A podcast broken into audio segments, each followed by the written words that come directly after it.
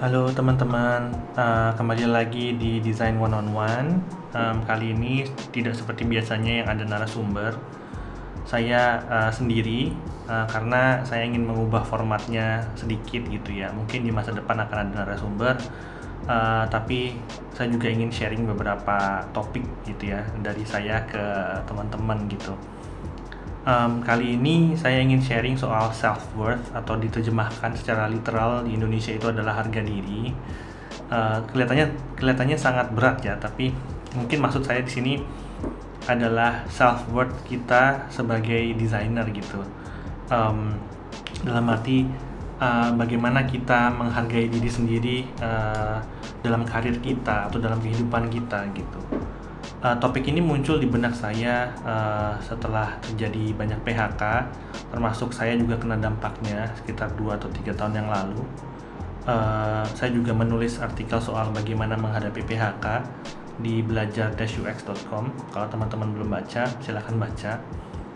Um, ada beberapa hal yang uh, saya pelajari dari PHK itu yang saya alami sendiri ya. Nah, ini bukan bermaksud untuk menggurui teman-teman yang baru di PHK atau gimana gitu uh, masing-masing punya caranya sendiri untuk coping um, tapi setelah 2 tahun tiga tahun berjalan dan saya sudah berpindah perusahaan gitu ya dan sudah half move on gitu walaupun belum 100% move on sebenarnya itu yang paling terdampak menurut saya uh, adalah self worth kita. Jadi kayak confidence self esteem atau kepercayaan diri kita itu jadi hancur gitu. Kalau buat saya sih ketika momen itu terjadi jadi agak hancur gitu. Karena um, mungkin setelah bertahun-tahun um, membangun reputasi saya tiga setengah tahun di perusahaan itu um, atau udah membangun relationship atau hubungan baik dengan teman-teman kerja tiba-tiba harus hilang begitu saja. Dan yang paling uh, berat menurut saya waktu itu adalah karena saya masih visa kerja di Singapura jadi saya harus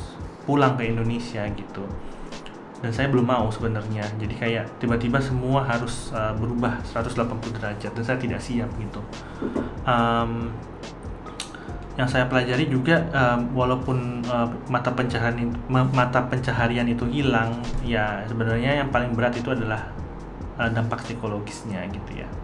Nah um, saya saya ingin berbagi beberapa tips uh, bagaimana kita bisa lebih me apa ya um,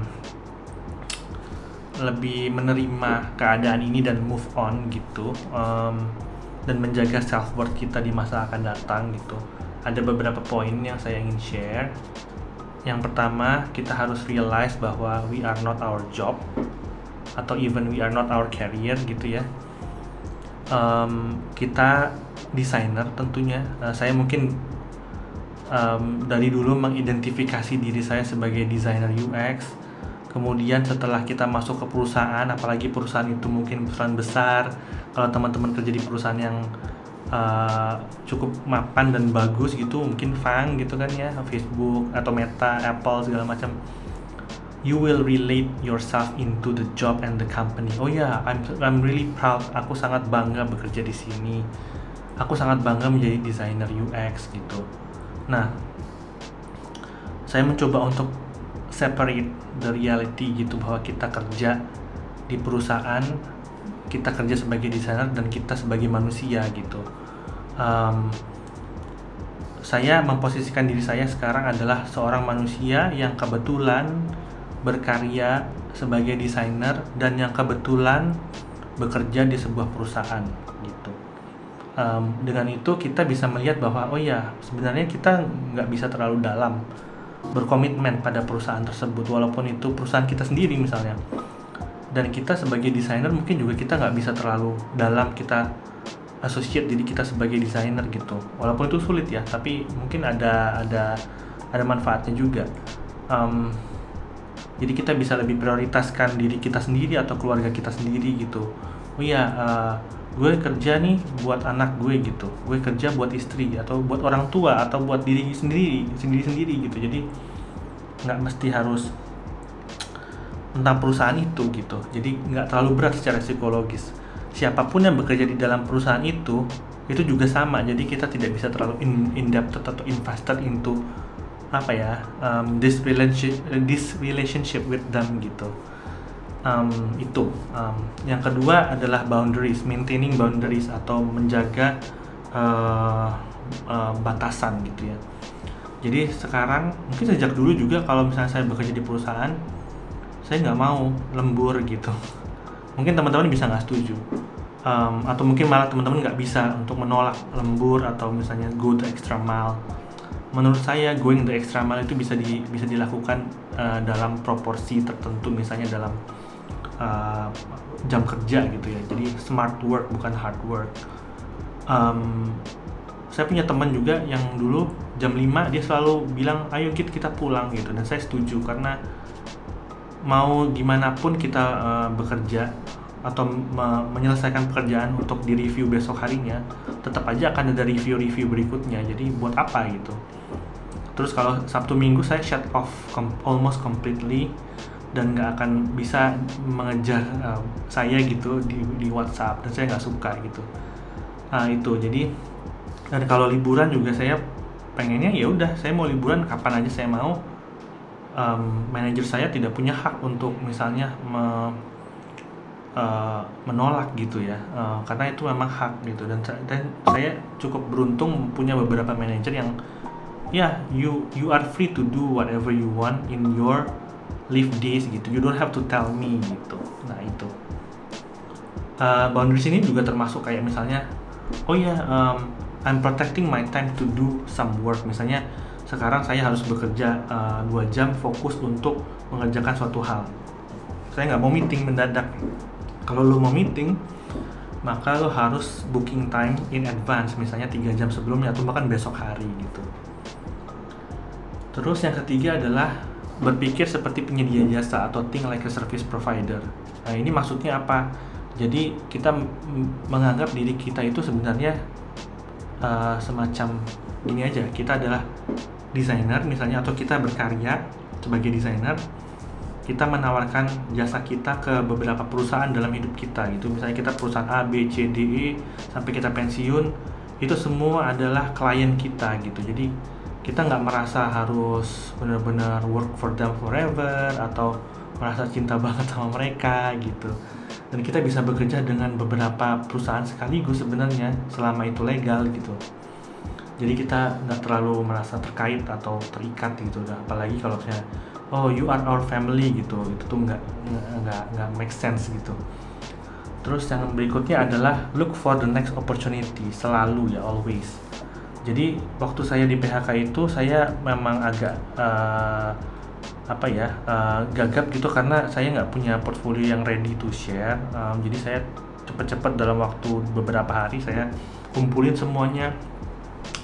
Uh, bahkan saya harus menghubungi manajer saya sebelumnya minta ditransfer beberapa pekerjaan yang yang ada di perusahaan itu sebelumnya gitu yang ya saya udah nggak punya aksesnya lagi.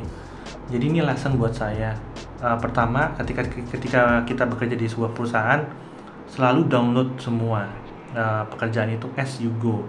Jadi jangan tunggu sampai akhir uh, bulan atau akhir uh, tahun untuk mendownload semuanya. Karena kita nggak tahu kapan kita akan lepas dari perusahaan itu. Yang kedua, uh, coba untuk menyusun portfolio uh, atau memperbaharui portfolio secara berkala, misalnya enam bulan sekali. Dan uh, pakailah uh, uh, apa namanya cara atau metode portfolio yang kita nyaman. Misalnya kalau saya PDF ya udah PDF lah. Um, I don't care what people say. You have to have a website, yes, but I do my portfolio on my on a PDF because it's easiest for me. And then um, ya udah kita um, juga misalnya kalau ada interview atau panggilan interview ada recruiter yang nyam, nyamperin gitu kita bisa sesekali mungkin eh, enam bulan sekali kita coba untuk interview hanya untuk praktis gitu ya. Kalau diterima ya terserah nanti gimana uh, kalau cocok compensationnya silahkan opportunity-nya silahkan. Kalau enggak ya udah it's just another learning uh, exercise gitu. Yang terakhir adalah um, ya have a morning walk. Saya bukan tipe yang olahraga kayak gimana gitu ya. Uh, cuman saya menyarankan teman-teman untuk bisa misalnya ya jalan pagi dikit gitu walaupun itu hanya untuk cari sarapan misalnya. Um, buat saya ketika pertama kali dulu pandemi saya uh, satu dua minggu pertama senang kerja di rumah tapi kemudian merasa stres. Jadinya saya merasa harus uh, keluar gitu jalan kaki paling nggak. Misalnya ya dekat-dekat rumah aja sekilo dua kilo balik lagi. It made my my work day so much better karena saya jadi merasa lebih uh, mood saya jadi lebih baik gitu kalau teman-teman misalnya mau olahraga yang lebih intens lagi lari boleh. Sepedaan saya juga beberapa kali sepedaan pagi ataupun siang. Itu sangat membantu fokus dan mungkin mood juga. Uh, jadi membantu uh, mental health juga sih sebenarnya. Ya itu aja tips dari saya. Padat singkat. Semoga bisa uh, bermanfaat bagi teman-teman semua dan saya ikut bersimpati kepada teman-teman yang terdampak PHK uh, but uh, I will let you know that it will pass although not completely tapi you will move on. Dan coba kita lihat uh, diri kita sebagai manusia gitu yang um, ya udah um, we're just doing our best every day gitu. Oke? Okay? terima kasih. Uh, silakan komen di bawah jika setuju atau tidak setuju jangan lupa like dan jangan lupa subscribe ya. Terima kasih teman-teman. Sampai ketemu di episode berikutnya. Dadah